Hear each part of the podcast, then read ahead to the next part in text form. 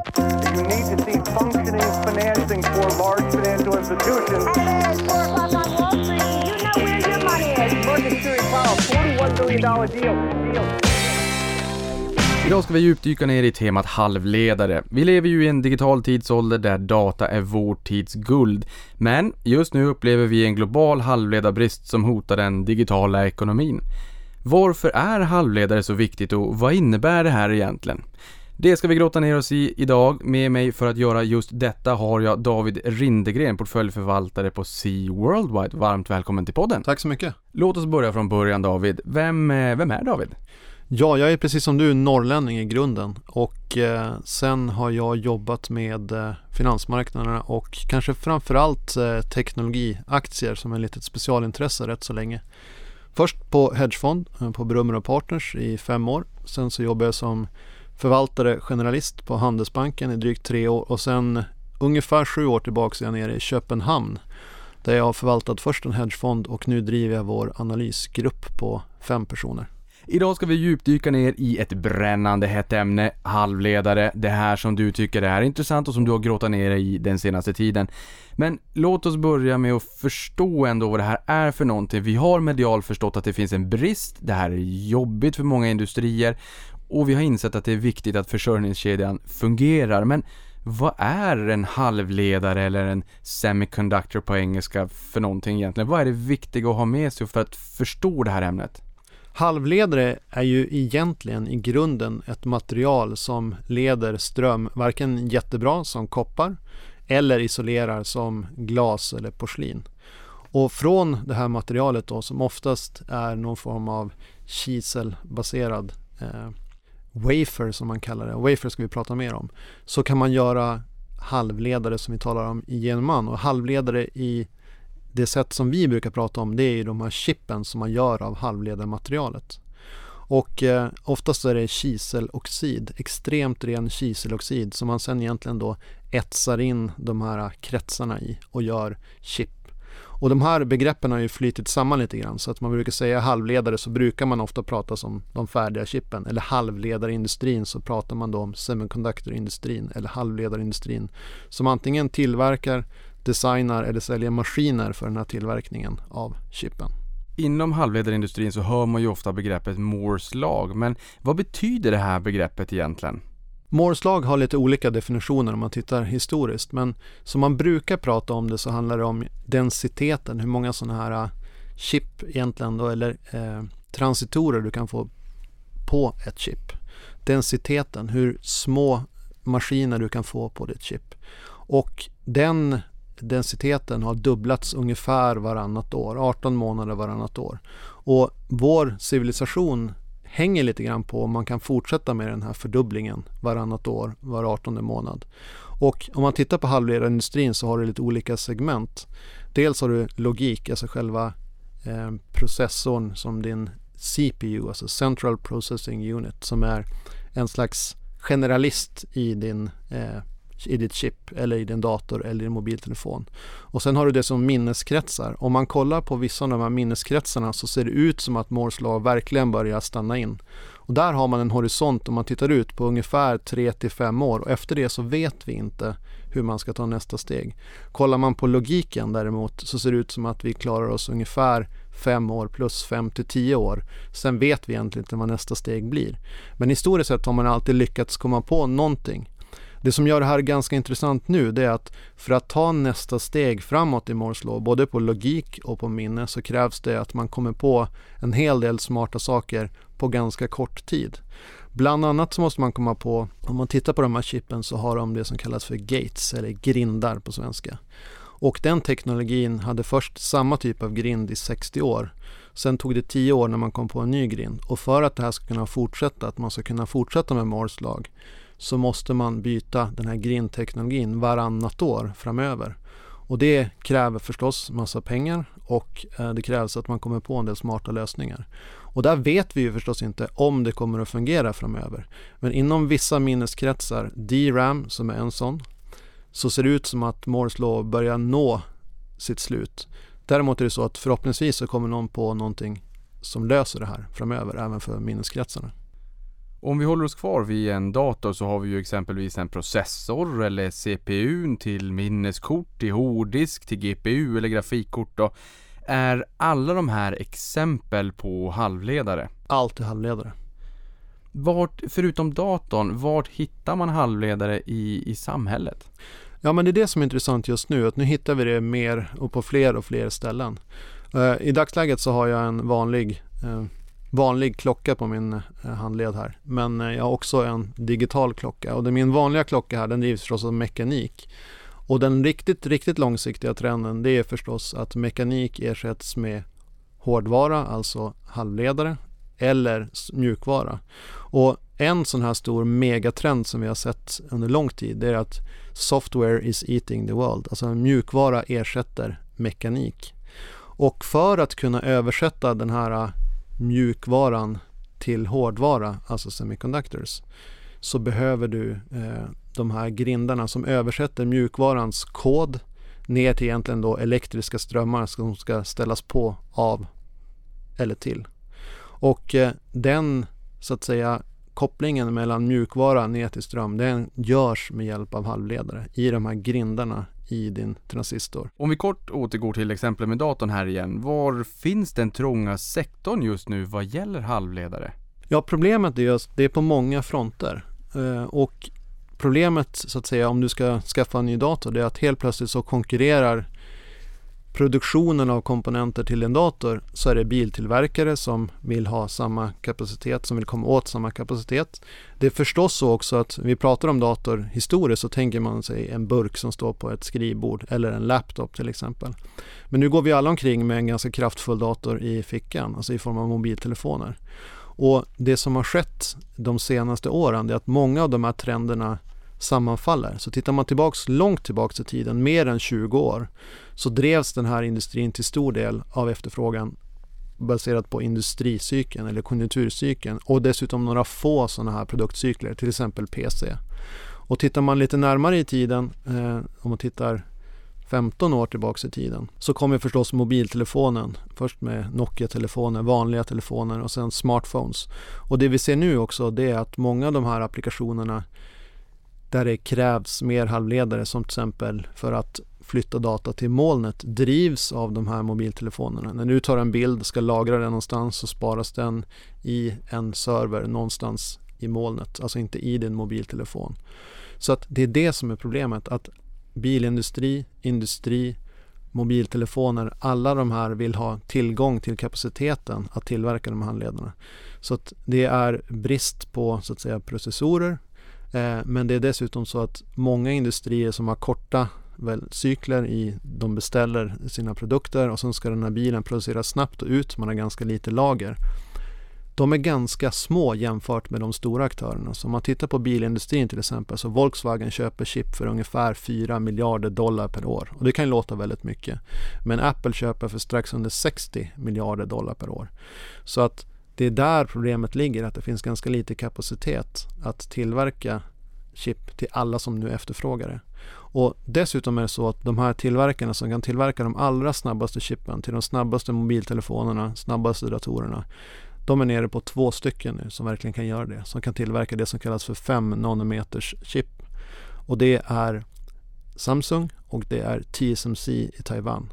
Och sen alldeles här i dagarna så har Intel sagt att de också ska börja tillverka chip åt andra aktörer. Och det som har skett i industrin det är att Intel var den stora jätten och fortfarande den största tillverkaren av halvledare. De säljer för ungefär 70 miljarder dollar per år.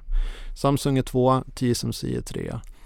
Men många mindre aktörer som tidigare tillverkade chippen själva, som AMD till exempel, de har börjat bara designa chippen och sen låta TSMC eller Samsung tillverka dem. Och i och med att TSMC och Samsung har de snabbaste chippen, kan tillverka de snabbaste chippen, så kan man springa förbi Intel.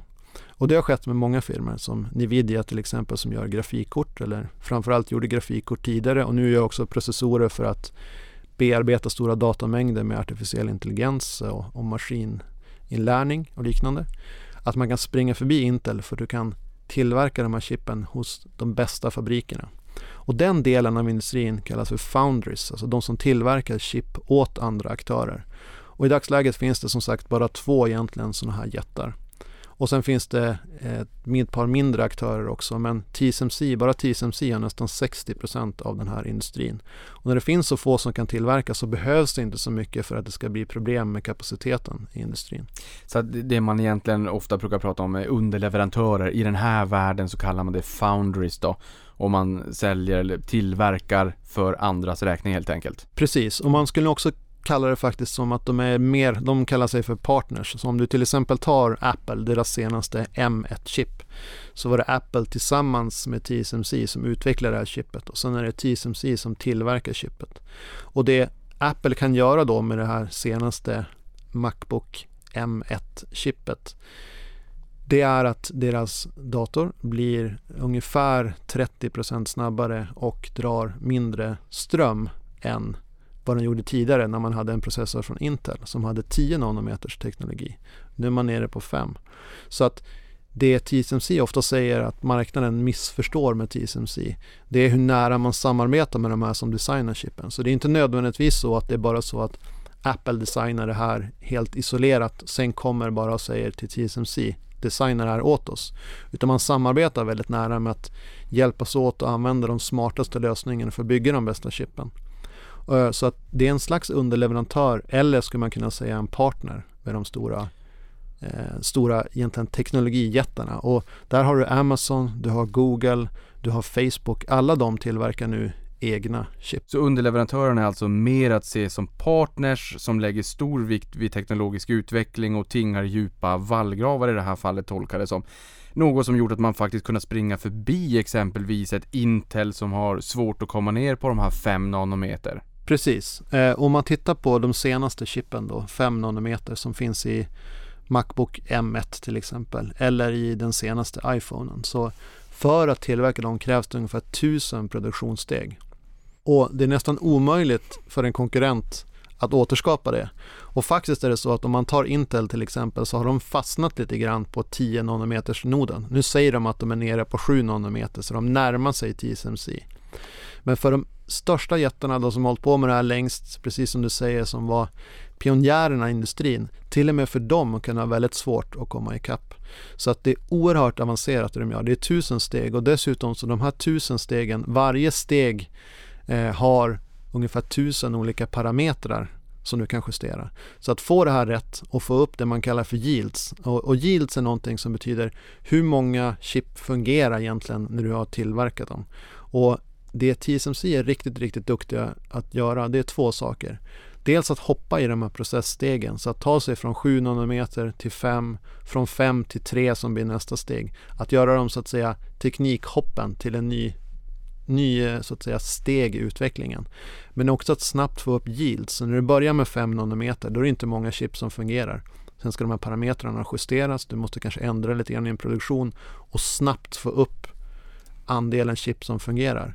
För det är först där lönsamheten finns, när du har höga yields. Och det är det som Intel haft svårt med, att hoppa vidare i processsteg och få upp yields så att lönsamheten går upp. Just nu upplever ju världen en global halvledarbrist, vilket tar sig uttryck i långa ledtider för datorkomponenter, ett Sony som säger att vi inte kan förvänta oss ett Playstation 5 under julgranen till julafton, till en fordonsindustri som drar ner produktionen och friställer personal. Men vad är det som har lett fram till den här situationen och varför har fordonsindustrin drabbats extra hårt? När vi pratar med många av de här bolagen så berättar ju de om en situation där man under förra året från TSMC och Samsungs håll sa till underleverantörerna som till exempel ASML att vi kommer ta det lite lugnt med att beställa ny utrustning för vi vet inte vad som sker på grund av pandemin, på grund av corona.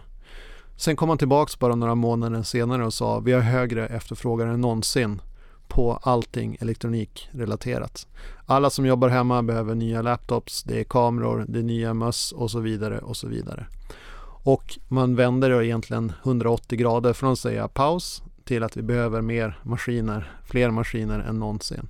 Så då dels den här corona-effekten och det är mer en cyklisk, mer tillfällig som har egentligen satt det här tillfälliga eh, stoppet egentligen i industrin. Sen har du grundproblemet, eh, om det nu är ett problem så att säga när man äger, som vi gör då, både TSMC och Samsung. Men du har problemet att industrin har konsoliderats. Om man tittar tillbaks 20 år så fanns det över 20 aktörer som tillverkade de här snabbaste chippen åt andra firmor som designade chippen. Och nu finns det egentligen två och Intel säger att man ska in i det här igen. Så det finns två eller möjligtvis tre som kan göra det här. Och det, den strukturen då kopplat med en sån här tillfällig brist på grund av Corona har skapat den här akuta, akuta bristen. Och sen har man ju den här effekten som är mer strukturell att vi använder mjukvara i högre utsträckning. Den mjukvaran behöver realiseras i någon form av elektronik, alltså en ström som slås av eller på och det sker med semiconductors, med halvledare. Och det är överallt och det finns många ställen där det används där man inte kanske tänker på det. En sån är till exempel i industrin där man använder mer och mer sensorer. Man försöker bygga upp, och det kanske vi kommer att prata mer om, en digital tvilling så att säga. En bild av sin fabrik som bara finns i en dator. Du kan simulera vad händer om vi ändrar produktionskedjan så här till exempel. Eh, och alla de här trenderna tillsammans med till exempel att bilarna blir mer med elektronik i bilarna. Om du tar en elbil så har du ungefär dubbelt så många chip som en vanlig bensindriven bil.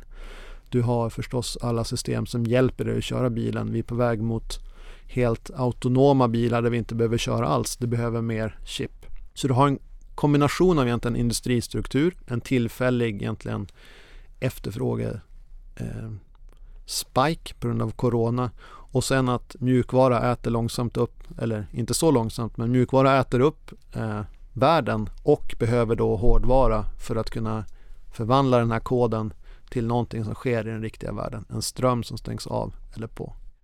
Under pandemin har ju många gått över till att jobba hemifrån. Det här har lett till att många har investerat i sitt inom citationstecken då hemmakontor genom att köpa skärmar, datorer, telefoner med mera.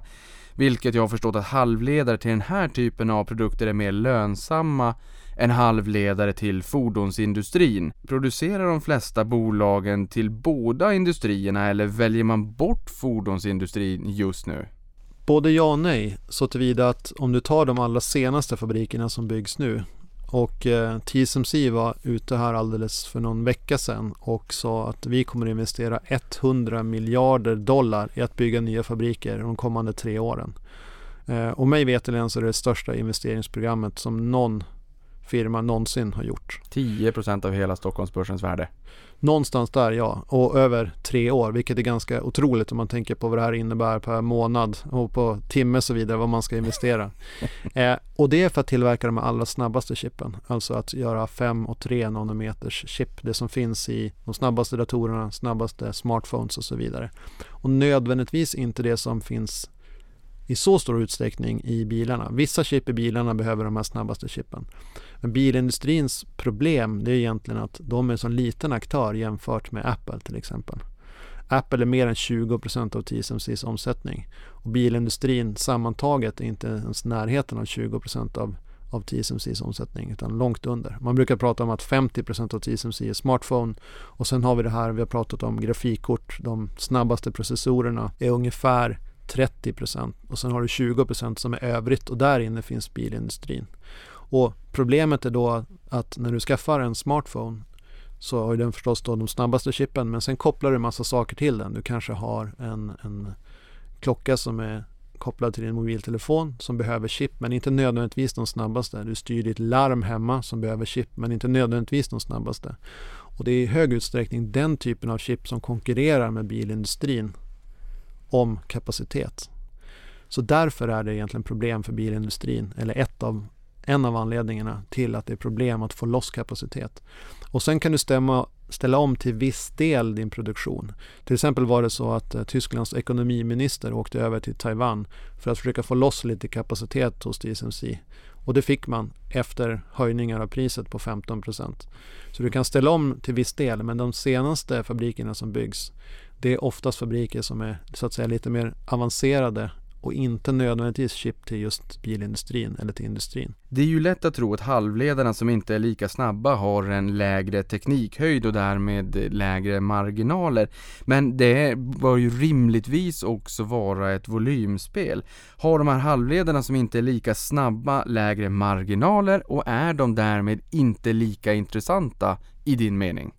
Det är en bra fråga för att för att få höga marginaler så måste du få upp dina yields väldigt snabbt. Så man kan säga så här, det Intel håller på med till exempel, det är att försöka tillverka de här allra snabbaste chippen och sen inte lyckas. Och då får du ingen lönsamhet i det. Då blir det väldigt svårt att ta det steget. Men TSMC då som lyckas få upp yields, alltså antal chip som fungerar, då får man en väldigt hög lönsamhet. Och sen är det inte nödvändigtvis så att de här lite långsammare chippen, att de är så olönsamma, för de kan ju vara i fabriker som är avskrivna sedan länge så att säga. Så du kan ha god lönsamhet i den delen också. Däremot är det så att det byggs inte så många nya sådana fabriker. Vilka är de mest intressanta halvledarna att få exponera emot och när riskerar halvledarna att helt enkelt bli stapelvara? Den exponering du vill ha, det är den som tillverkar många chip. För det som har skett i den här industrin, det är att inför att man skulle tillverka den första Apple iPhones, alltså 2006-2007, så gick man först från Apples sida till Intel och så sa man vi kommer tillverka en mobiltelefon, är ni intresserade av att göra chippen till dem? Och Intel tackade nej. Och istället så gick man till TSMC. Och det är nog förmodligen ett av världshistoriens största strategiska misstag, att man faktiskt inte tillverkade de chippen från Intels sida. För det betyder att TSMC har tillverkat många, många fler chip. De har de senaste fem åren gjort i storleksordningen fem gånger fler sådana här wafers till chip än Intel och lärt sig hur man får upp yields, lärt sig hur man tar vidare i de här processstegen. Vilket betyder att man nu är tillsammans med Samsung ensamma om att tillverka de här snabbaste chippen och med väldigt, väldigt hög lönsamhet. Så att det kan vara så att du har en fabrik som tillverkar äldre chip som är avskriven och därför väldigt lönsam. Men där finns det många fler konkurrenter också. Så det är svårare att höja sina priser 15%. Det går inte. Men däremot de allra snabbaste chippen, om du är den enda eller möjligtvis det är du och en annan aktör som kan tillverka dem, helt plötsligt kan du höja priserna. Och generellt sett är det så att inom hårdvara så har du hela tiden deflation, att allting blir lite billigare hela tiden. Och nu är vi inne i en situation med brist Eh, delvis tillfälle på grund av corona men också strukturell för att vi ska in med de här chippen i fler och fler gadgets, fler och fler tillämpningar. Både som konsument så vill man ha fler chip och i till exempel industrin. Att man nu kan höja priserna 15 från TSMCs sida. Och jag skulle säga att om du vill ha exponering mot den här industrin då ska du satsa på ledarna. Vad gäller tillverkning så är det TSMC, det är Samsung om man tittar på underleverantörskedjan av maskiner in till de här två aktörerna så är det framförallt ASML som är intressant. Och ASML det är det största bolaget i Nederländerna. De tillverkar en maskin som kallas för EUV-maskin. För om man tittar på tillverkning av de här chippen, de här tusen stegen, så kan man egentligen ta upp det till sju stycken, sex eller sju beroende på vem man frågar, större steg. Och ett av dem det är litografi. Och det är beroende på vem man frågar så är det det största eller näst största vad gäller hur mycket pengar som det kostar att tillverka de här eh, chippen. Det är i runda slängar så är det 20-25% av kostnaden för att bygga en fabrik är den här litografin. Och litografin handlar egentligen om att ta din ritning av det här chippet och med hjälp av någon form av ljus, i det här fallet ultraviolett strålning och man kan tänka sig Deep Ultraviolet som var den gamla teknologin överföra den här ritningen ner till din wafer. Och där är det bara ASML som kan göra de här maskinerna som kan tillverka de snabbaste chippen, 5 nanometer chippen. Och den här maskinen den är förmodligen en av världens mest avancerade maskiner för att den väger 180 ton, det tar tre flygplan att flytta den. Den kostar i grundutförande 150 miljoner dollar och det ser ut som att det här priset de kommande åren kommer att stiga till över 300 miljoner dollar när man släpper lite mer avancerade maskiner. Och det är väldigt sällan som man hittar monopol, noterade monopol man kan investera i. Och eh, nu är ju TSMC och Samsung det är mer ett duopol eh, som kanske blir ett oligopol när vi har Intel som är på väg in i det här igen. Men vi investerar hellre i den typen av ledare alltså de som har bäst industristruktur, än att köpa de som tillverkar möjligtvis lite långsammare chip men det finns fler konkurrenter. Så här har man möjligheten att köpa in sig då i bolag som är i en ren monopolställning i vad gäller ASML eller till exempel ett väldigt bra duopol. Atlas Copco till exempel tillverkar en underleverantör till ASML och tillverkar vakuumutrustning och eh, där är man helt ledande. Det finns konkurrenter men det är fortfarande ett oligopol. Ja, Där kan vi också notera att det var ju Atlas Copcos vakuumdivision som eh, hjälpte Stockholmsbörsen upp till ett nytt all time high i oktober 2019 efter att vi eh, hade väntat på det sedan 27 april 2015. Vilket också är roligt. Och där någonstans så insåg ju marknaden för mm, mm, halvledarindustrin var inte jättehet. Det var eh, ganska kallt där ute för att det bubblade handelskonflikten mellan USA och Kina och man sa att eh, man pratade om rare earth metals eller sällsynta jordartsmetaller där Kina stod för 80% av output och det kunde bli en bricka i det här bråket att man liksom drog in på det där vilket skulle göra det svårt för inte bara amerikanska techbolag inser vi här utan för väldigt många. Ehm, och någonstans så insåg vi där också att oh, eh, nu, nu är det lite kallt. Jag kommer ihåg ett bolag, Corvo speciellt eh, för namnet och, och, och de hade störst exponering mot Kina. Det var inte roligt. Och sen kom ju Atlas Copcos rapport där och då insåg man ja just det.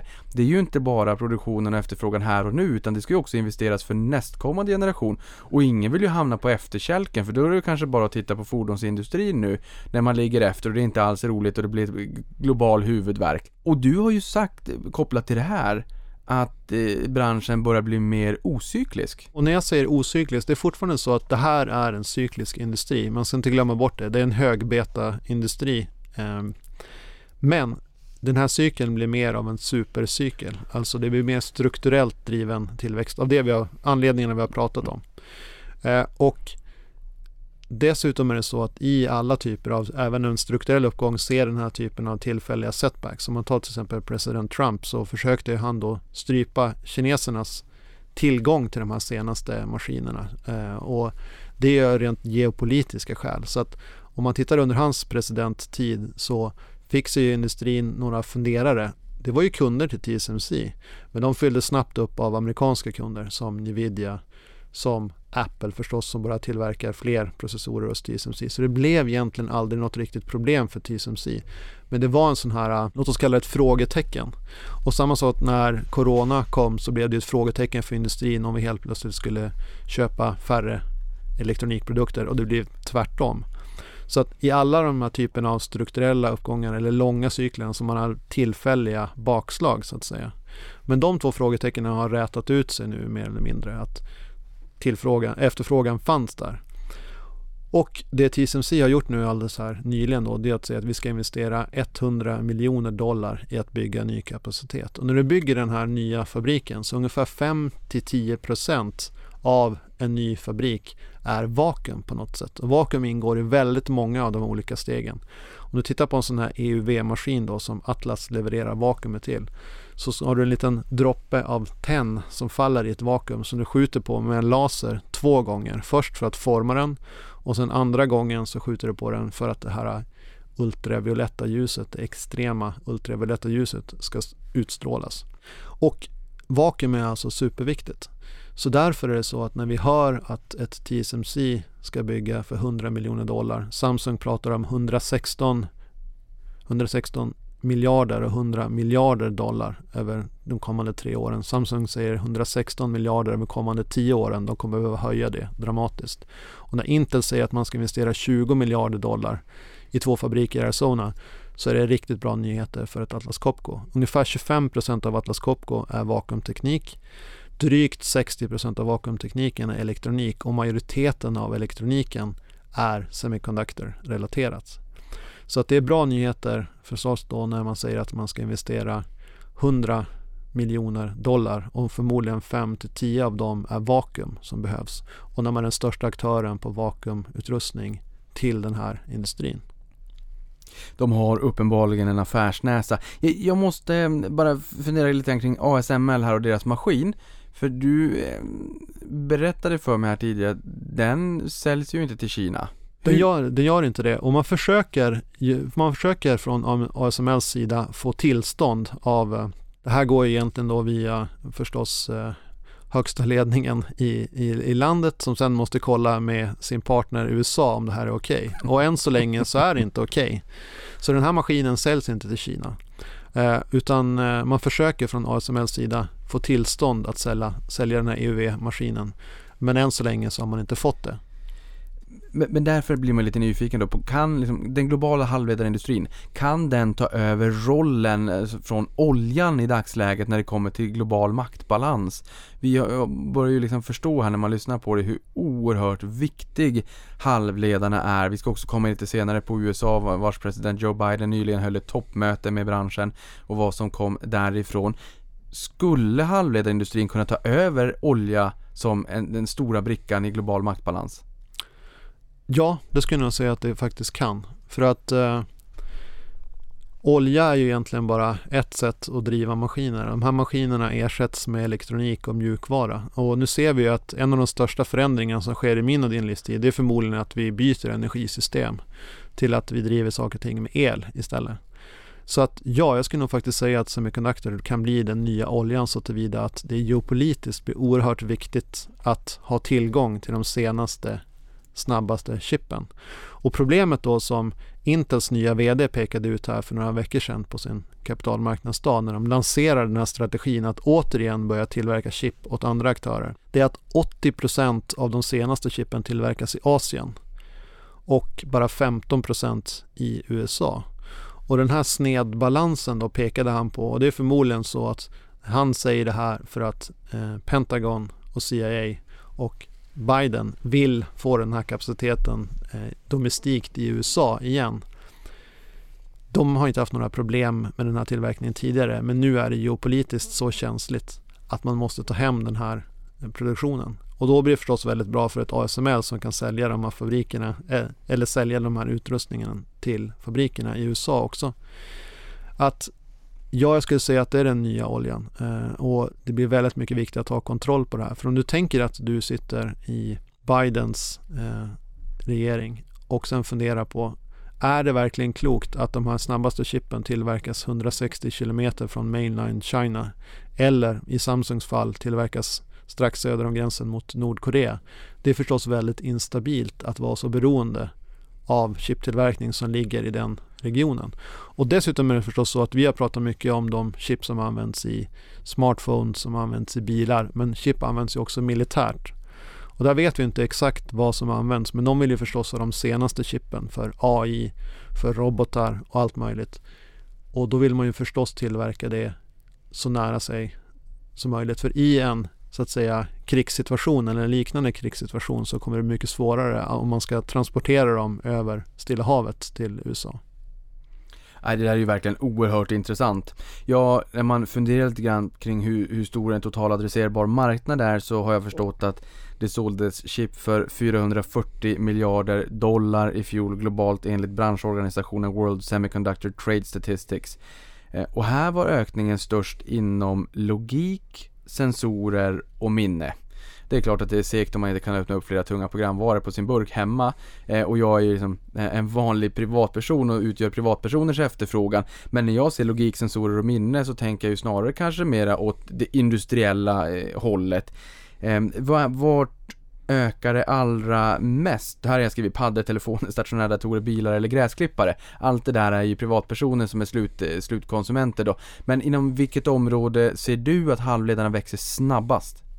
Om man tar uppdelningen som TSMC gör så de delar upp det egentligen i tre stora delar. En del är tyvärr övrigt men om man tittar på TSMC så delar de upp det i tre stora delar.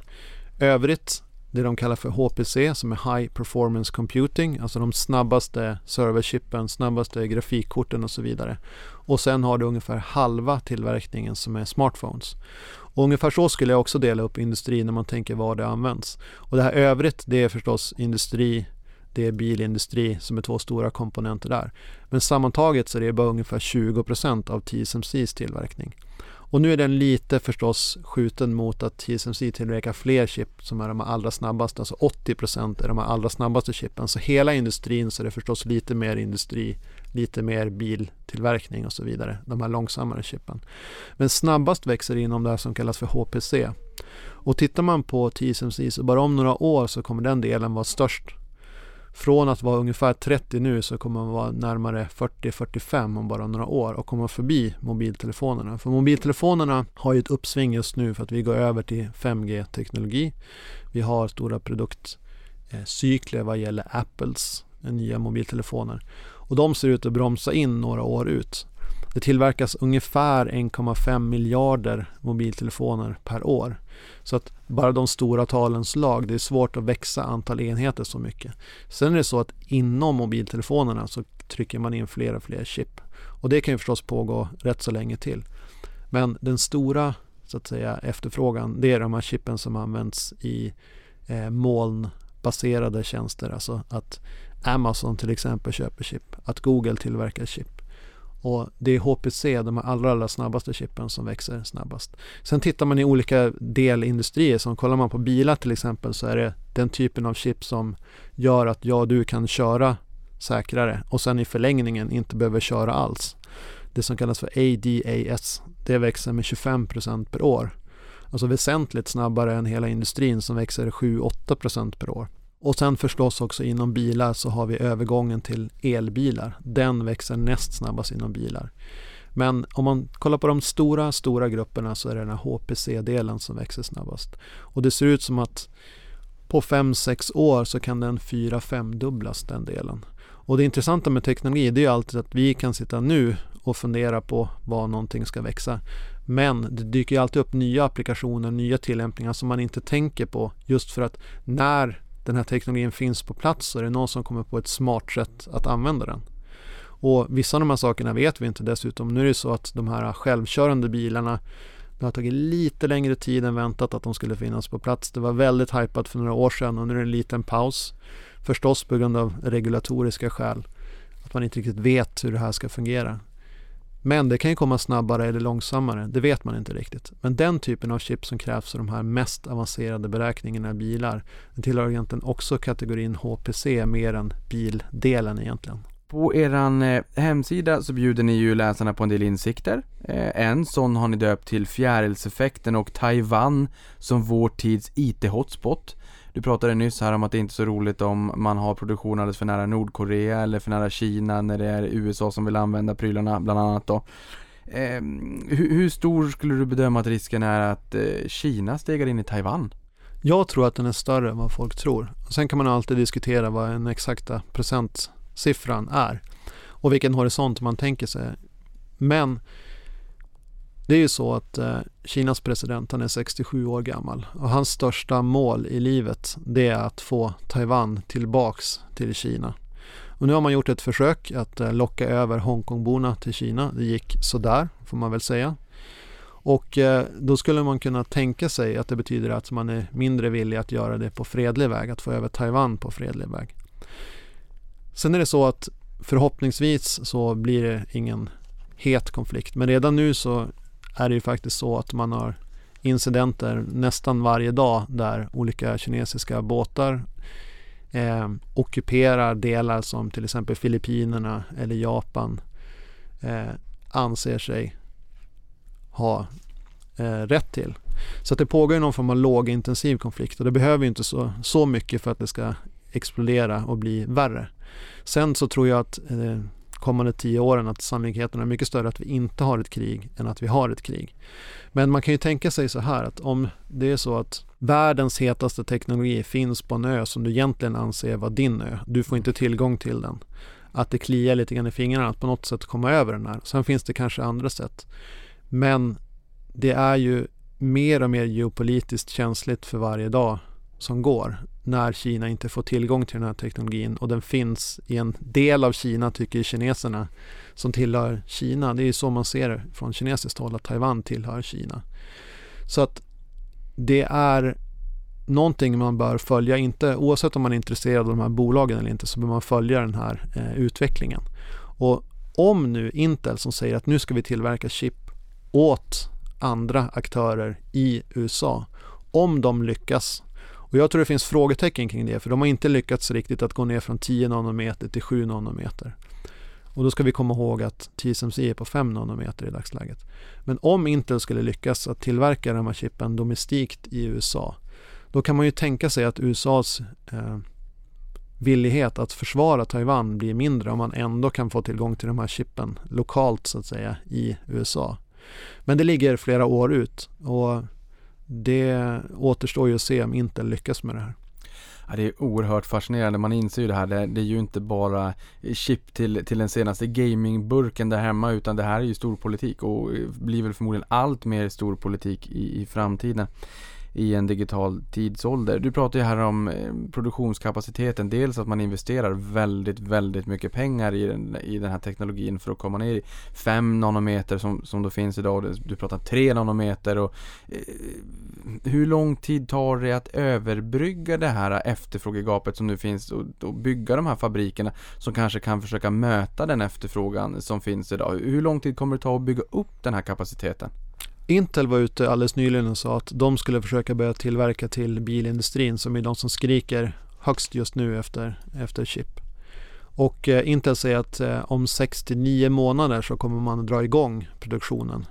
Så att det betyder att sannolikt en bit in i nästa år så har vi brist. Och sen tror ju jag att någon form av brist kommer vi att le leva med under ganska lång tid på grund av strukturen i industrin. Att det är ganska få som kan tillverka de här snabbaste chippen.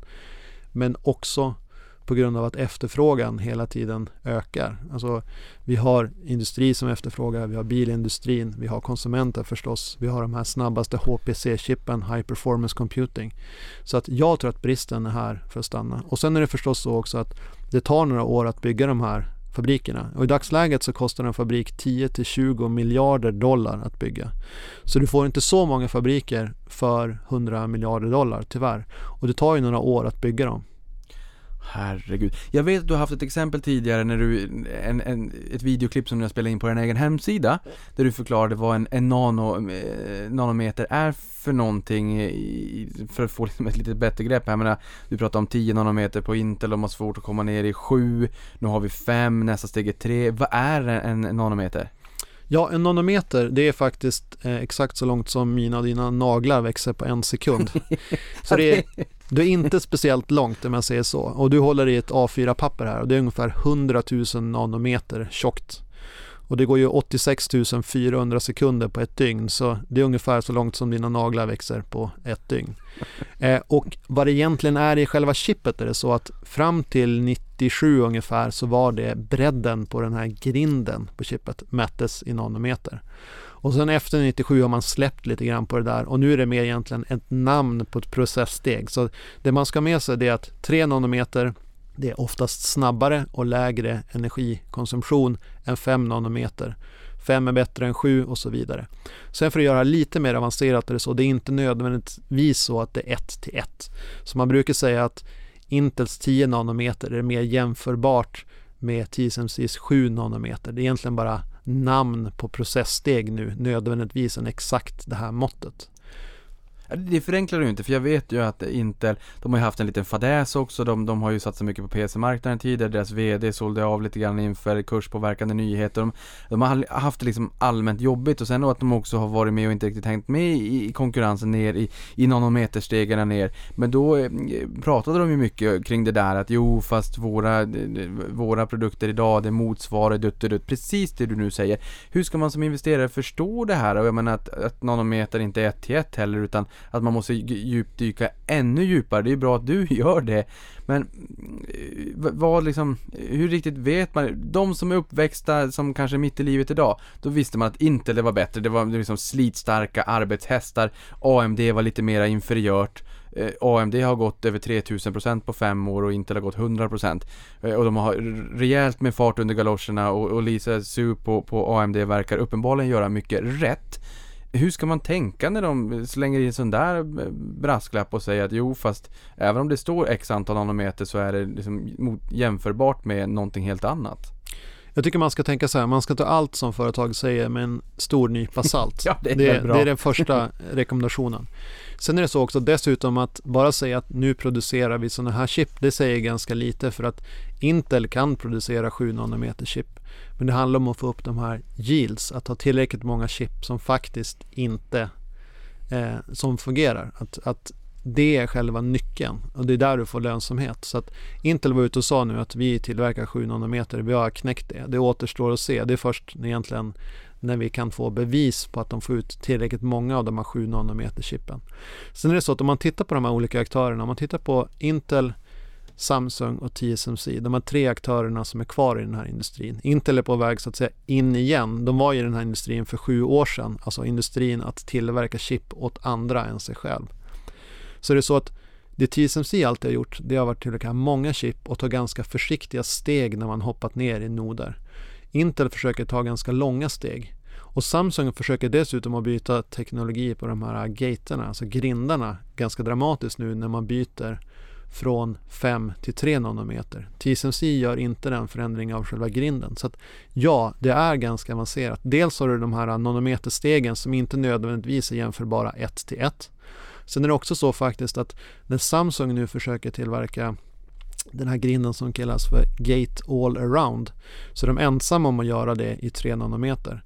Och det är ett mer riskabelt steg för man vet inte riktigt hur det kommer att fungera. Kommer de att få upp yields på det? Om de lyckas från Samsungs håll så har de potentialen att få ett chip som är ännu snabbare och ännu energisnålare än TSMC.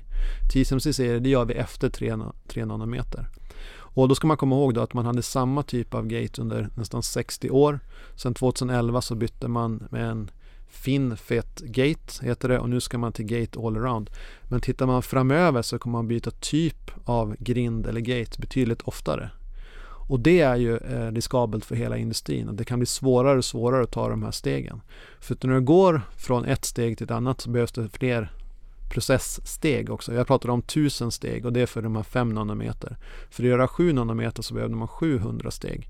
Och det här är förstås bra nyheter för de som tillverkar utrustningen till TSMC.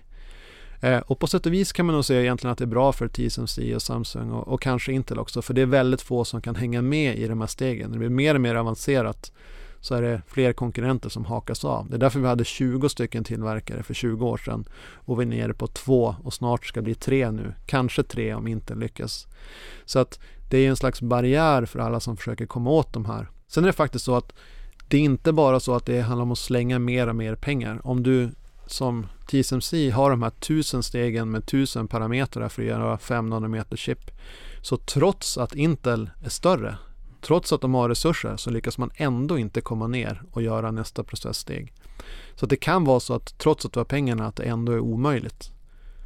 Och det finns vissa saker som tyder på att Intel faktiskt inte kommer att lyckas att ta sig vidare. Nej, för någonstans så har jag ju fått känslan av att när man eh, säljer här till andra så, så får man in, det blir liksom kanske någon form av kassakod där man kan ta de där pengarna och lägga dem på vidareutveckling för att ta nästa steg neråt. Inte ska in på det här, du sa att det är sju år sedan senast, nu ska de in och tillverka åt andra. Eh, då får man ju fråga sig var klisterlappen Intel Inside eh, kanske inte riktigt är blir riktigt samma sak då. Men, men här så har jag förstått att AMD säger att 5 nanometer kommer 2021. Där är ju inte Intel idag. Nej. Varför? Vem köper Intels produkter om man kan gå till 5 nanometer hos AMD samtidigt som om man känner att jo men de här grejerna som vi ska ha eh, en processor till det spelar ingen roll, vi behöver inte det senaste men då borde ju 7 nanometer bli billigare hos AMD i relativa termer.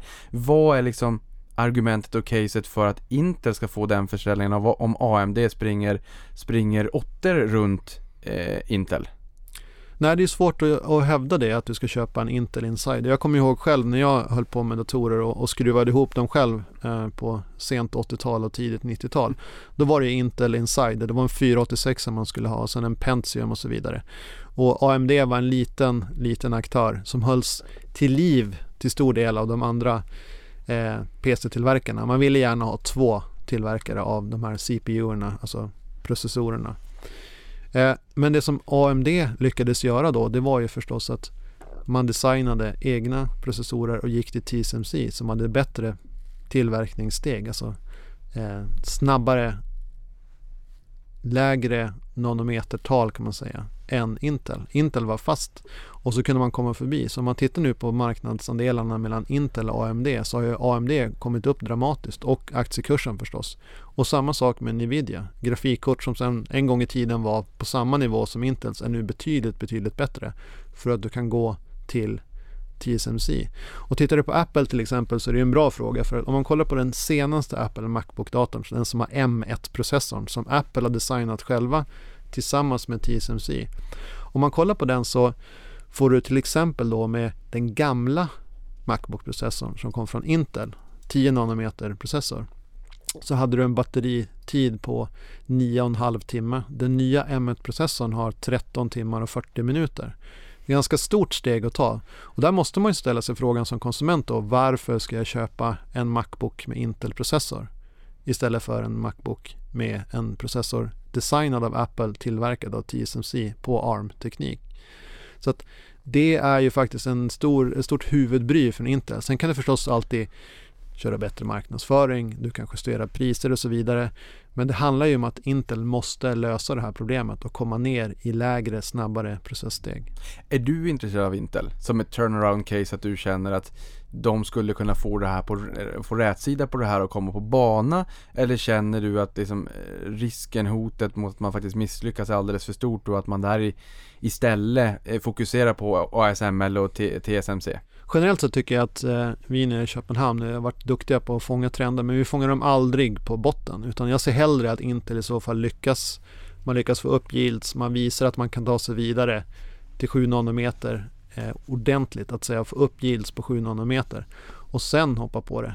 Sen har Intels aktie gått ganska mycket på det här. När man kom ut med nyheten att man skulle tillverka chip åt andra aktörer, alltså den här foundry-businessen som man var inne för sju år sedan, så gick aktiekursen först upp och sen ner. Faktiskt tror jag över dagen att eh, i, i förhanden och efterhanden så var den upp och sen så kom den ner för folk tvivlar på att man lyckas och TSMC var ner. Eh, jag väntar hellre och ser om TSMC eh, så att säga verkligen utmanas av Intel. Jag tror inte att det kommer att ske för man ligger långt, långt efter. Någonting annat som växer explosionsartat som, som du har varit in på det är ju datacenter och hyperscale datacenter och här aviserade ju Nvidia som vi, eh, många av oss känner igen, det är, liksom, det är grafikkorten, det var de man skulle ha eh, de växer på väldigt många områden nu. Det är inte bara att de skjuter ut en bild i burken och någon sitter och spelar Counter-Strike utan de tittar även på en bild för självkörande fordon och säger det där är en, en hund, det där är en fotgängare, det där är ett barn möjligtvis. Eh, och det där är en bil, bilen saktar in och så och, och eh, tar in det här och, och liksom, eh, låter datorn förstå vad är det vi ser för att kunna hjälpa den här eh, evolutionen mot självkörande bilar. Nu kommer de ut och sa också att vi kommer att ta fram processorer dedikerade för datacenter. Både Intel och AMD föll kraftigt på de här beskeden, eller på det här beskedet. Vad är din spaning här? Jag menar, Nvidia har ju aldrig varit, mig veterligen i alla fall, varit inne på eh, CPU tidigare utan det är ju som GPU-erna, grafikkorten som, som har varit deras eh, huvudspår. Det här är väl en ganska stor nyhet? Det är en jättestor nyhet och, och det Nvidia höll på med en gång långt tillbaka i tiden det var ju grafikkort till datorer. Och sen visade det sig när man började forska kring AI och machine learning att de här grafikkorten kunde användas för beräkningar inom eh, alltså datacenter helt enkelt. Men aldrig riktigt som den här Intel-processorn utan man hade dem bredvid varandra att säga, eller bredvid en ARM-processor. Och nu säger Nvidia att man ska tillverka processorer också direkt in i datacentret. Och det som har vuxit hos Intel, det är den här datacenterdelen. Och det har vuxit förstås för att när jag och du tar en bild på eh, en rolig hund någonstans som går omkring och sen ska vi lägga upp den på Facebook så lagras den i ett moln någonstans. Eller att vi sparar ner filer eh, i molnet eller liknande och då byggs de här datacentren upp. Eller att eh, Avanza eller C Worldwide sparar något Excel-dokument så lagras det i molnet någonstans. Och där har det ofta suttit en ARM-processor och eventuellt då en processor från Nvidia sida vid sida. Nu säger man att man ska trycka ut Intel eller ARM-processorn. Och det är ju superintressant. Men det intressanta av det här är att sättet att spela det skulle jag snarare säga att äga TSMC eller möjligtvis ASML. För att möjligheten, anledningen att du kan göra det här från de här aktörerna som nu utmanar Intel det är ju för att du kan gå till ett TSMC och tillverka de bästa. Du designar processorn själv och sen så tillverkar du den med den mest avancerade teknologin som TSMC har. Så jag skulle snarare säga så att det här är ytterligare ett bevis på att TSMCs affärsmodell fungerar. Ja men det är så oerhört intressant att eh, det här vänder ju upp och ner på det här klassiska att underleverantören är inte den aktören med den starkaste förhandlingspositionen utan ett dussintal och man kan byta ut en underleverantör mot någon annan. Eh, när man har lyssnat på dig under den här podden så inser man att det är upp och ner vända världen. Det är ju inte, liksom, det är ju inte ett Intel och AMD kanske som, är, liksom, som sitter på den absoluta makten utan det är ju underleverantörerna som plöjer ner mycket pengar på teknologisk utveckling och tar fram de här nya stegen och, och, och färre och färre nanometer och allt vad det kan tänkas vara. Det, det, det är lite är lite upp och, ner, upp och nervända världen men fortfarande väldigt intressant. Vi har ju förstått att det är både ASML och eh, TSMC som, som du gillar. Vilken gillar du mest om du måste välja? Oj, eh, om man tar ASML så handlar allt om värdering också. Och om man tittar på P talet på den här aktien nu så eh, det är ganska lätt att komma ihåg för det är 50, 40, 30. Alltså 50 gånger 2021, det är 40 gånger 2022 och 30 gånger 2023. TSMC handlar någonstans tror jag 28-ish gånger nästa års vinst. Eh, men det är också så att ASMLs affärsmodell är något bättre för man binder mindre kapital. Du får betalt i förskott av dina kunder. Så din kassakonvertering är mycket högre så att man ska ha en högre multipel. Och sen just nu växer man också snabbare. Eh, så att det är svårt att välja. Det här är absolut inte som att välja mellan pest och kolera utan det här är precis tvärtom. Det här är de två intressantaste aktierna. Så mitt fega svar skulle vara att jag tycker båda två är väldigt intressanta. Sen TSMC är ju på något sätt eh, lägre värderad med binder mer kapital. Eh, men samtidigt så är ju de så att säga en aktör som Ja, de är beroende av ASML nu, men det skulle ju kunna komma till ett läge där ASML inte lyckas ta den här teknologin vidare. Jag tror att eh, om man kollar på värderingen, om man kollar på riskprofilen så skulle jag kanske möjligtvis eh, väga TSMC något högre än ASML. Men det är svårt att säga att man skulle ta den ena över den andra. Alltså den ena ASML är ett monopol. TSMC är ett duopol som håller på att bli ett oligopol. Så möjligtvis så finns det en del frågetecken på horisonten för ett TSMC. Men Nvidia har ju också aviserat att man vill köpa ARM Technologies som jag tror har, Softbank som ägare i dagsläget. Jag har förstått att det här är grundarkitekturen för hur man eh, bygger upp exempelvis eh, CPUer i, i dagsläget. Hur pass viktigt är, hur viktig är den här affären och vad är ARMs ställning på marknaden i förhållande till när du pratar om eh, duopol eller ett oligopol som eh, ASML och eh, TSMC har. Vart finns de på, på den globala halvledarkartan? ARM-processorer var ju länge processorer som hade lägre beräkningsförmåga än en Intel-processor men som konsumerade väldigt mycket mindre energi. Och de slog igen då i smartphones till exempel för att de inte bränner så mycket batteri. Och sen i datacenter. För en av de viktigaste kostnaderna, problemet med datacenter, det är att eh, det krävs en massa energi. Och man har kommit så att säga bakvägen och slagit Intel det hållet. Eh, och ARM-processorer håller sakta men säkert på att ta över från Intel. Eh, så det är en superviktig affär och sen är frågan om den verkligen kommer att gå igenom för den är så pass kontroversiell att Nvidia skulle bli väldigt mycket mäktigare företag. Sen om man tittar aktiemässigt så är Nvidia lite svår för den är betydligt dyrare än många andra aktier som vi har pratat om. Eh, men återigen där så kommer det tillbaka till vem ska tillverka de här processorerna? Jo, det är ju TSMC. Och vem ska tillverka fabriken som TSMC har? Jo, det är till stor del ASML som har de här litografi EUV-maskinerna. Eller faktiskt ett Atlas Copco som ska tillverka vakuumutrustningen till ASML. Så att sättet att tänka på den här, du pratar sätter fingret på så att den viktiga punkten här, det är att det är lite bakvända världen på många sätt. Dels att Intel som är fortfarande det största bolaget, den gamla jätten, eh, vi pratade alla om Intel Inside en gång i tiden, de utmanas nu från alla håll. Men också att faktiskt underleverantören TSMC är kanske mest intressant att investera i för att det är till dem du måste gå eller till möjligtvis till Samsung om du vill tillverka de snabbaste chippen. Men varför gör inte de det här själva? Jag förstår att du vill lägga liksom tiden på, liksom, eh, att man ska allokera tiden på det man är bäst på så att säga och ta fram de här nya teknologiska stegen. Eh, men eh, egentligen, vad är det som, gör, vad är det som hindrar de här ASML eller TSMC från att faktiskt i framtiden runda ett AMD eller Intel? Ja, tänker du att man skulle tillverka sina egna chip från TSMCs håll? Ja, men det skulle man ju kunna göra. Problemet att göra den omställningen så får man ju direkt man annonserar det så får man ju enorma problem med sina kunder.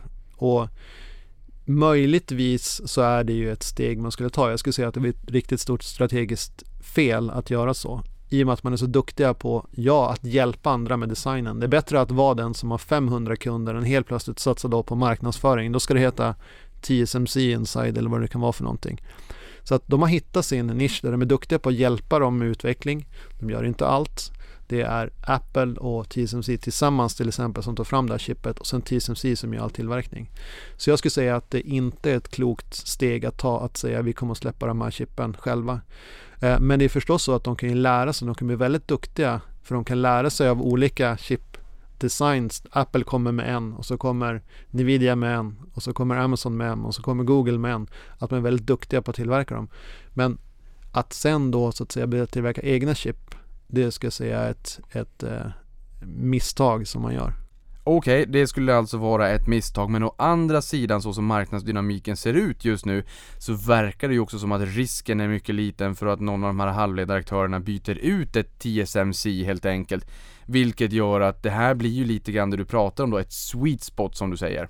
Jag skulle säga att det är sweet spoten som de ligger nu och det är faktiskt också så att Intel är ganska intressanta för att Intel utvecklar och tillverkar i sina egna fabriker åt sig själv.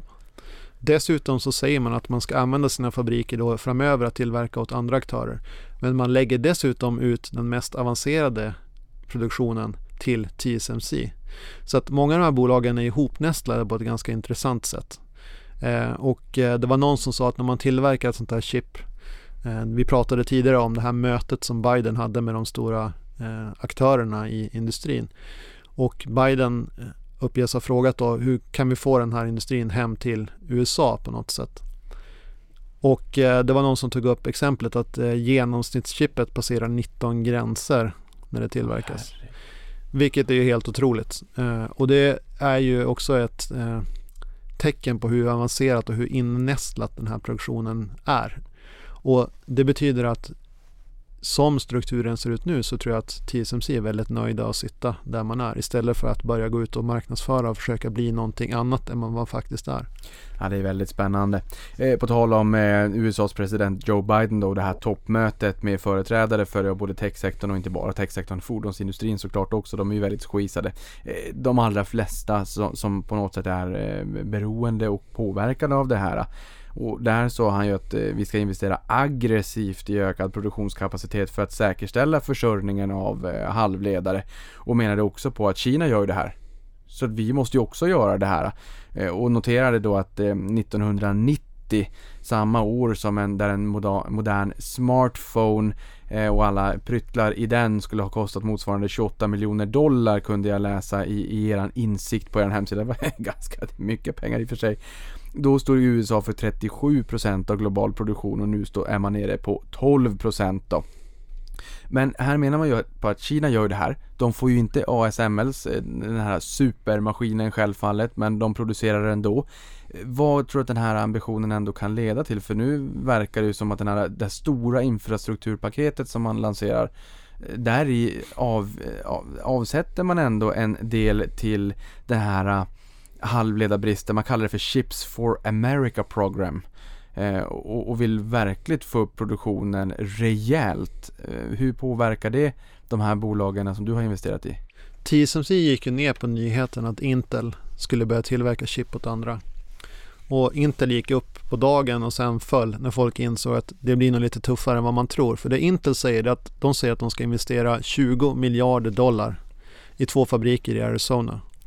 Och det TSMC säger är att man ska investera 100 miljarder dollar i nya fabriker. Och det som är riktigt intressant med det här, om man tittar på de här tusen processstegen med tusen stycken variabler, det är att nu ligger faktiskt då ASMLs investeringar långt framför Intel och även Samsung ligger långt framför Intel. Men det är faktiskt så att oavsett hur mycket pengar du slänger på det här så blir det väldigt, väldigt svårt. Om jag ska ge någon form av boktips i, den här podden så ska jag säga att Seven Powers är en bok man ska läsa. Och den handlar egentligen om företagsstrategi. Den är skriven av en konsult som hjälpte bland annat Netflix med företagsstrategi. Och sen insåg han att ja, men det här kan jag använda för att investera och börja investera efter sitt framework som han tog fram med de här sju krafterna eller sju powers. Och vi tittar ju på bolag på många olika sätt. Det här är ett av väldigt många.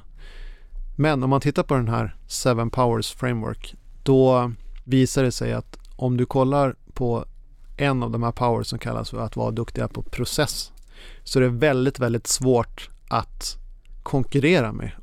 Det kan vara så att den här processen är omöjlig att replikera oavsett hur mycket pengar du slänger på det. Eh, och nu är det förstås kanske att ta i, men Intel då som är världens största semikonduktorbolag har försökt och blivit omkullsprungna av TSMC och Samsung faktiskt. Så att, att man slänger 20 miljarder på det här, det övertygar mig inte riktigt när TSMC investerar 100 miljarder och TSMC dessutom är långt, långt framför Intel. Och anledningen till att man lyckades springa förbi det är just det här att man tillverkade då ARM-processorer till mobiltelefoner och gör betydligt fler wafers, alltså fem gånger fler wafers än Intel. Du lär dig mycket snabbare. Du vet hur du ska ställa in eh, de här ah, variablerna. Du vet hur du tar vidare från en nod till en annan. När Intel gör de här ganska sällsynta men långa hoppen i teknologi så är det mycket svårare att ta sig vidare. Och ett TSMC lyckas göra det betydligt oftare men lyckas ta sig vidare och få upp yields. Så att ja, man säger från amerikanskt håll att vi ska ta hem den här tillverkningen men det är inte så lätt. Och jag skulle säga 20 miljarder dollar är fantastiskt mycket pengar. Men jämfört med 100 miljarder dollar så bleknar det förstås. Och sen som vi pratade om att ett chip tar i snitt då, eh, eller korsar 19 nationsgränser när det ska tillverkas. Vilket betyder att USA kommer ändå inte att kunna tillverka alla de här chippen domestikt i USA. Då ska du ta hem all den här tillverkningskapaciteten från hela Asien och från Europa och så vidare till USA. Och det går inte. Det kanske går om vi pratar decennier, men förstås om du är president och sitter på fyra år så vill du att det ska ske nu, inte om decennier. Det här är oerhört intressant. Jag brukar säga att man ska ha på sig de börsnoterade glasögonen, eller mm, för att världen är börsnoterad, ha på sig de ekonomiska glasögonen ska, ska sägas. För att världen är börsnoterad. Om du hittar en, en, en spännande elektronikpryl, funderar du då på vem som har tillverkat eh, chippet? Ja, men det gör jag. Hur, hur, hur, tar man reda på det allra enklast? Jag förstår att allting går att googla så att säga. Men, men hur kan man enklast ta reda på vem det är som, som har producerat chipet? Jag menar en iPhone idag, förr i tiden så kunde man ta lös skalet och man kunde byta skal till olika färger och hit och dit. Det är ju inte lika enkelt idag. Å andra sidan så vet vi som du säger kanske då att det är TSMC är stor underleverantör till Apple. Men hur, eh, hur, hur gör man? Ja men det var länge sedan jag byggde en egen dator måste jag säga. Och det gjorde jag en gång i tiden att man satt då med ett grafikkort och skruvade in i ett moderkort som det heter och funderade kring olika processorer och tryckte in RAM-minnen, random access memories och så vidare. Och då kunde man ju se lite mer faktiskt på korten och så vidare vem som hade byggt det här. Jag skulle säga att Google är nog det bästa. Och det här 5 nanometer som jag pratade om, det är huvudsakligen Apple som har tillgång till de chippen. Det är den största kunden hos TSMC. Över 20% av försäljningen är till Apple. Och nu kommer då nästa eh, aktörer kommer med 5 nanometer. Du kan få det hos Samsung till exempel. Så det finns några andra som kan erbjuda det. Eh, men enklaste sättet är att googla. Det finns andra professionella aktörer som skruvar isär de här och analyserar vem som har byggt vad. Men om du sitter med den allra, allra senaste utrustningen, då är det förmodligen TSMC som har tillverkat den. Är det 5 nanometer så är det TSMC, möjligtvis Samsung som också kan tillverka 5 nanometer. Men det känns ju som att någonstans, eh, man brukar säga att stora bolag, där eh, stannar tillväxten av någonstans lite grann över tid i alla fall. De blir mer mogna så att säga. Medan unga bolag växer snabbare och det gäller väl ändå generellt sett. Men här känns det som att stora blir större i och med att man som ett stort Apple med en enorm kassa Eh, och en enorm marknadsandel. De är ju en stor beställare av de här chippen och de är klart, förmodligen också prioriterad kund såklart. Så att de kommer ju alltid sitta på den senaste teknologin och de, det kommer ju tvinga människor att köpa just deras produkter för att de alltid ligger on the forefront, alltså längst fram. Det här borde ju borga för att stora bolag bara blir större. Ja, och det är lite grann det vi har sett i många av de här kunderna till TSMC. Om man tar till exempel Google eller Amazon eller Apple, det är de stora jättarna. Men det är också så förstås att det är de som har resurserna att investera och hyra eller anställa då, som det heter på svenska, anställa ingenjörer som sitter och utvecklar de här chippen själva. Eh, det är svårt för en liten aktör att gå in och designa det bästa chippet. Det är bara några få firmor som kan göra det. Eh, och trots det att de kan designa det så kan de inte tillverka det själv utan de måste lägga ut det på den som är bäst på att tillverka chippen. Så ja, det, det är ju på att säga på lång sikt kanske ett problem att de blir så otroligt dominerande. För att om man tänker eh, någon som bara har tillgång till Intels 10 nanometer chip i sin laptop. Varför ska jag köpa den när jag kan få en M1-processor med 5 nanometer chip?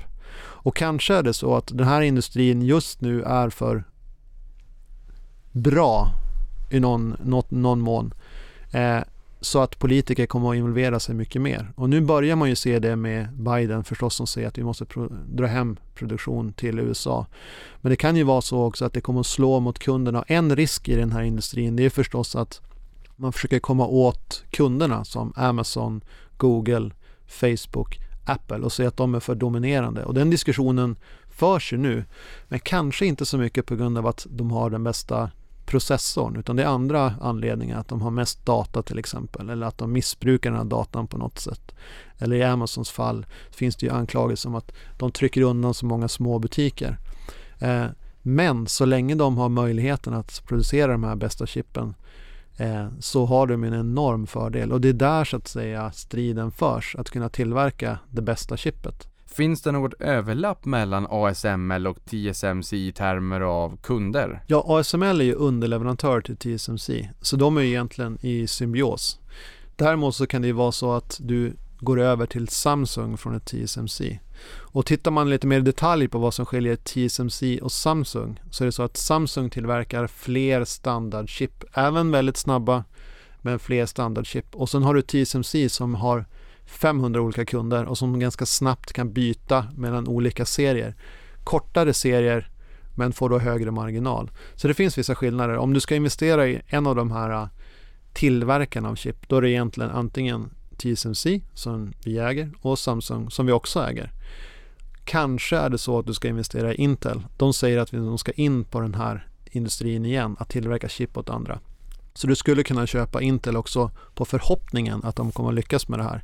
Jag tror att det blir väldigt svårt. Men, men då förstår jag att eh, ASML med den här jättedyra maskinen som Kina inte får köpa, som man får skeppa med tre flygplan om man vill flytta den här eh, och som är jättedyr det är liksom, det är en del av värdekedjan och sen så TSMC är en annan del av värdekedjan. Så de är inte på samma del av värdekedjan, utan det är olika delar på den här värdekedjan så att säga. Ja, den är avancerad och även för vi som sitter och tittar på det här, det finns ett, en underleverantör som heter ASMI. Och eh, det är ganska lätt även för någon som jag att faktiskt googla upp och läsa lite grann om ASMI innan man inser att det var ASML man skulle lära sig. Så att det är inte alls speciellt enkelt och alla de här bolagen är, är förkortningar. Det, det, är ARM, det är ASML, det är TSMC och så vidare och så vidare. Och dessutom är teknologin i sig ganska svår. Vi kan prata om de här sex, sju olika processstegen och så under det så är det ett 30-tal och sen är det tusen steg. Det finns ingen människa som kan prata intelligent om alla de här tusen stegen. Så det är ganska avancerat. Men det intressanta här egentligen då det är att vi försöker gärna investera där bolagen har en dominerande position. Och här är det faktiskt så att om du tittar på de tillverkarna så finns det två. Det kommer snart att bli tre, alltså Intel, Samsung och TSMC som kan göra de allra snabbaste chippen. Sen så finns det eh, ett antal kinesiska aktörer som tillverkar lite långsammare chip. TSMC har 60% av industrin.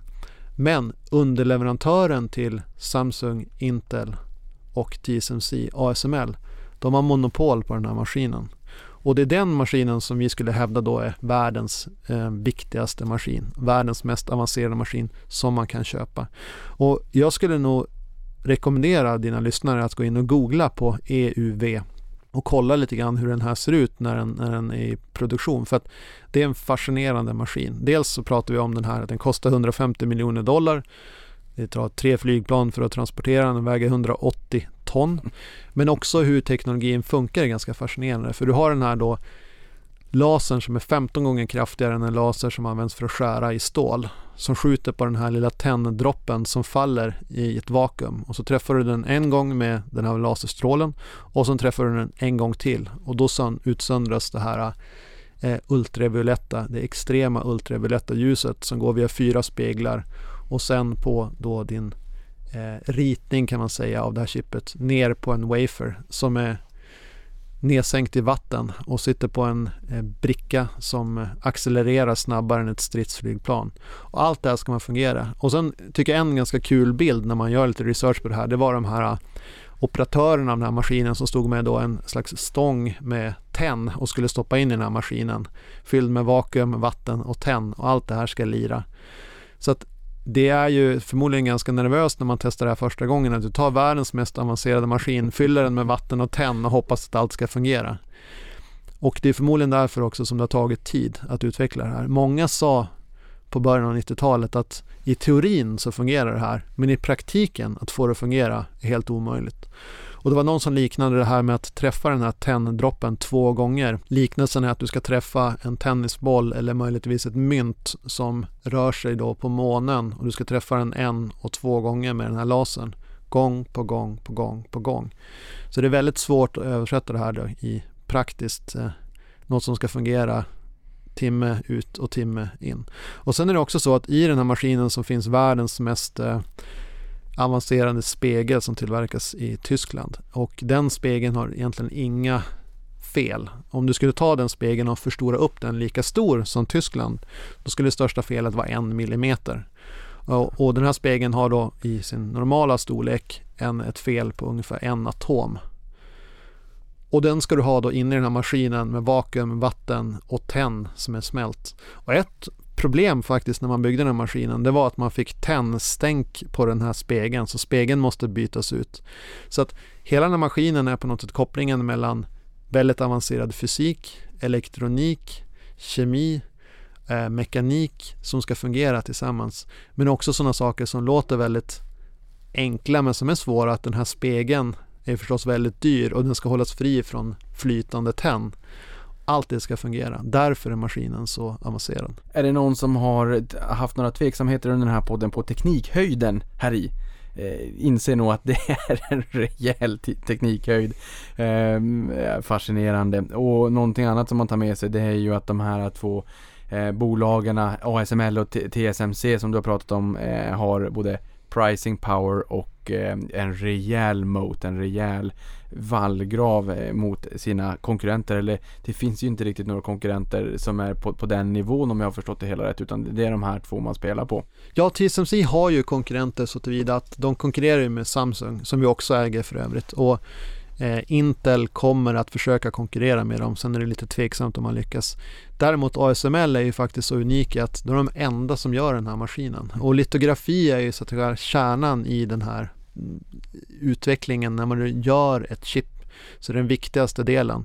Och den delen ökar faktiskt, om du tar total eh, capex då, eller investeringar att bygga de här fabrikerna så ökar den delen som är litografi hela tiden. Så det är en liten sån här mini, mini-strukturell trend i den här industrin att litografidelen växer för att det är mer och mer avancerat att göra den här egentligen kopieringen av ritningen ner på din wafer. Att bygga chippet den vägen. Och sen är det många andra delar som växer förstås, men litografin växer snabbare.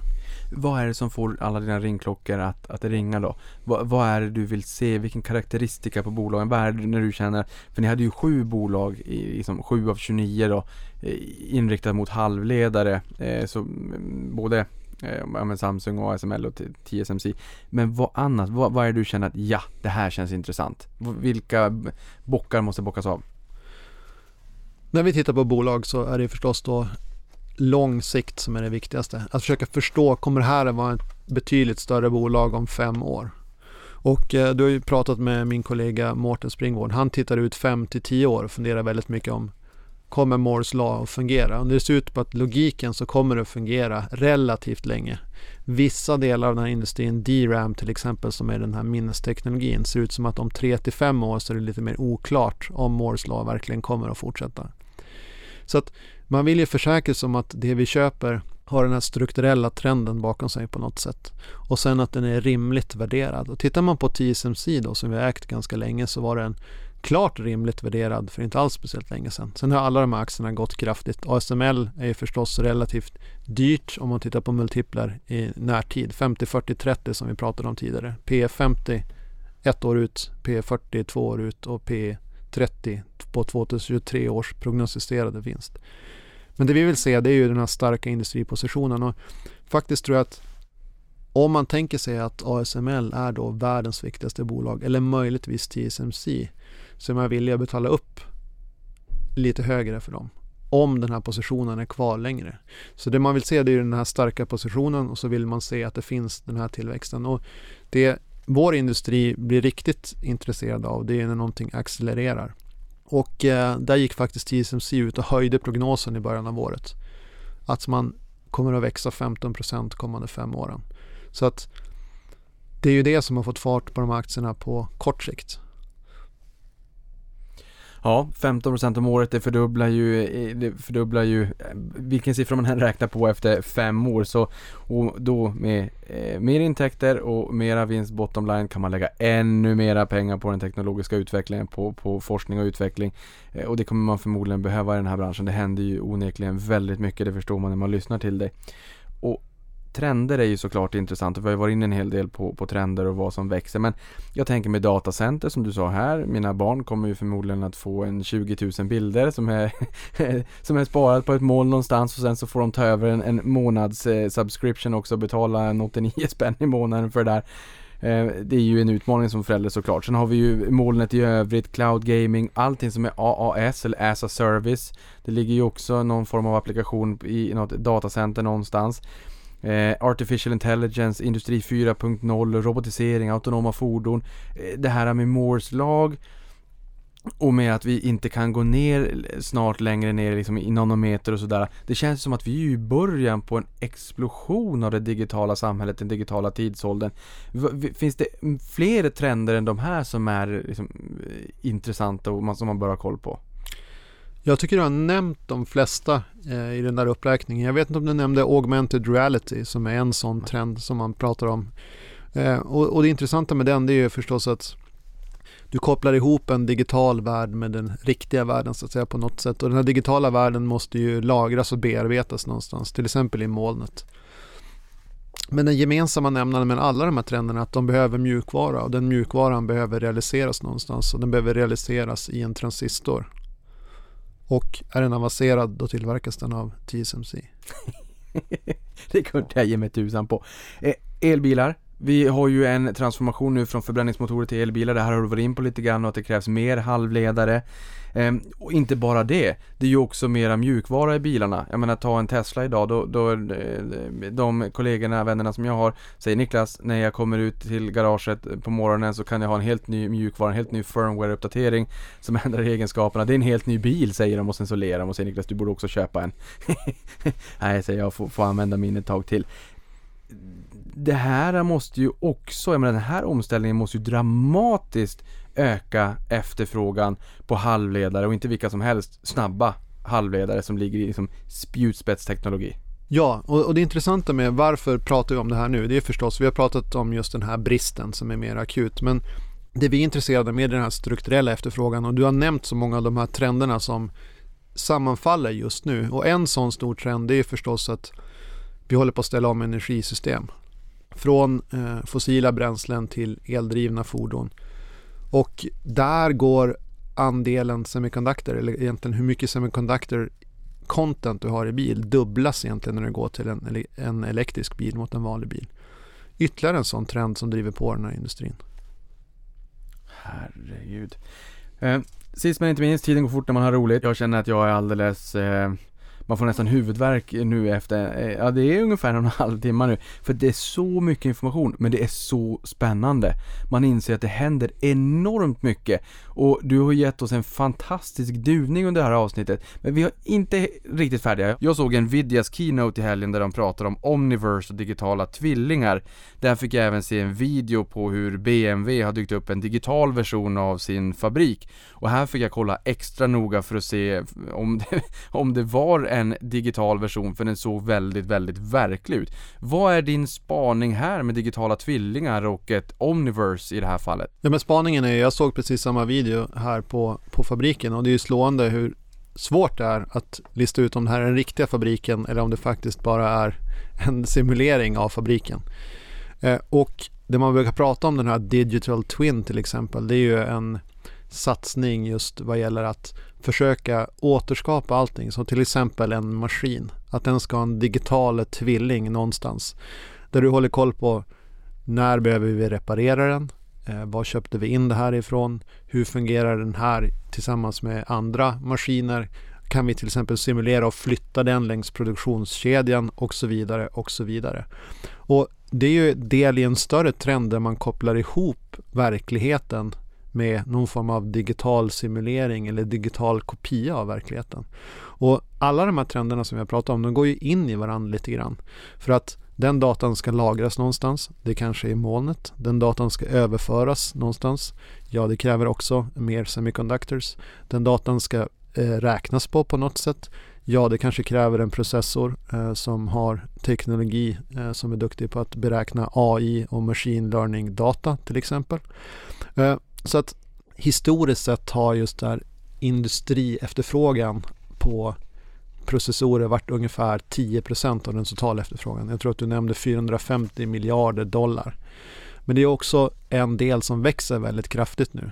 Och tittar man på nu vad efterfrågan kommer till så ungefär 20 år tillbaka i tiden då börjar vi få mobiltelefoner som är en stor del. Och att vi ser att efterfrågan exploderar nu det beror till stor del på att de här mobiltelefonerna de växer fortfarande men vi börjar se efterfrågan på alla de här andra fronterna. Att fabrikerna revolutioneras, att bilar gör det och så vidare och så vidare.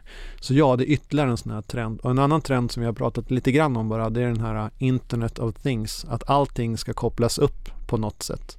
Och det kan vara allt möjligt från en sensor i skon som mäter hur det går eller hur långt det går eller som mäter eh, hjärtfrekvens eller något annat och skickar det till din doktor eller att du har en Internet of Things eh, uppkopplad maskin som börjar säga att nu börjar jag få problem med ett kullager så att du bör nog skicka över en tekniker till exempel.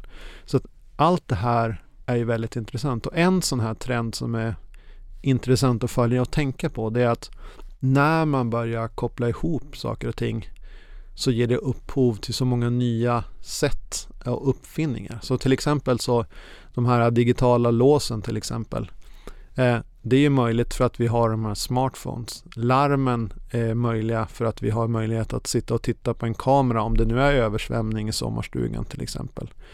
Och så vidare och så vidare. Alltså verkliga nätverkseffekter. Eh, och det är ju därför vi ser den här strukturella efterfrågan. Att det sker på så många fronter samtidigt. När det historiskt sett var konjunkturcykel och så någon enskild eh, egentligen då till exempel PC-cykeln. Att vi gick vidare från till exempel en 486 till en Pentium-processor. Då såg man en liten mini-efterfrågan då, eller en ökad efterfrågan av processorer. Men nu ser vi det då för konsumenten, vi ser det i industrin, vi ser det med bilar och vi ser det samtidigt. Därför verkar det som att vi är inne i den här supercykeln. Och sen är det fortfarande en cykel, det ska man tänka på att nu är det väldigt hett just nu. Om världsekonomin går sämre mot slutet av det här året eller nästa år då kommer den här industrin eh, påverkas. Men det verkar också som att det finns så mycket nya innovationer, så nya sätt att koppla ihop data, koppla ihop verkligheten med simuleringen att vi kommer att ha en starkare efterfrågan än vad många trodde för bara några år sedan. Och tittar man på efterfrågan av just produktionsutrustningen, den här eh, capex eller capital expenditure som man brukar prata om på engelska så var det länge en väldigt cyklisk industri. Den pendlade mellan ungefär 20 till 40 miljarder dollar per år. Och det är den här industrin som ASML säljer in till, den här litografiindustrin. Och den är ungefär 12-13 miljarder dollar per år. Och sen 2017 så helt plötsligt så bröt den här grafen ut egentligen. Att man passerade 40 miljoner och passerade 55 passerade 60 nu alldeles nyligen. Och det ser ut som att man i slutet av det här året kan vara på 73-75 miljarder dollar.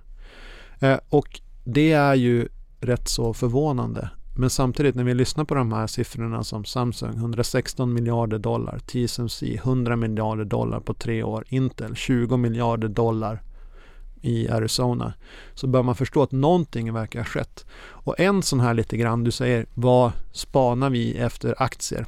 Vi tänker alltid långsiktigt, alltid försöka tänka 3 till 5 år. Och det TSMC gör nu när man går ut och säger vi ska spendera 100 miljarder dollar på tre år. Det är att man första gången någonsin guidar capex, alltså hur mycket investeringar man ska göra tre år ut. Annars har det alltid varit ett år ut. Och för oss är det ju ytterligare en liten signal att man ser en efterfrågan som gör att man vågar investera 100 miljarder dollar. Man vågar guida tre år ut För det finns så mycket efterfrågan där ute som man ser och förstås kan man inte kommunicera allt. Men man kan ju tänka sig att TSMC har väldigt, väldigt god inblick i de prylar som vi kommer att se om några år på marknaden. De är med och designar dem. Och där kan jag tänka mig att det är väldigt, väldigt intressant att sitta i vissa delar av TSMC och vara med och designa det som Apple eh, och andra kommer att släppa om några år. Och för att man kan se det så säger man nu för första gången någonsin så här mycket ska du spendera på tre år och eh, inte bara att guida oss på ett år. David, jag hade inte kunnat, jag hade, jag hade inte kunnat tänka mig några bättre slutord. Jag tror att många lyssnare där också funderar kring, hmm, undrar vad de vet som vi inte vet. Vilka spännande nya prylar kan vi förvänta oss? Det är mycket som händer inom AR och VR och där kommer det förmodligen också vara väldigt mycket processorkraft som behövs och många, många, många, många, många eh, komponenter som kommer från dina favoritbolag. David, tusen tack för att du kom till podden och gjorde oss så mycket klokare kring eh, halvledarindustrin vad, det, vad den innebär och hur man ska tänka och framtidsutsikter och det här har varit ett oerhört intressant avsnitt. Tusen tack! Tack så mycket!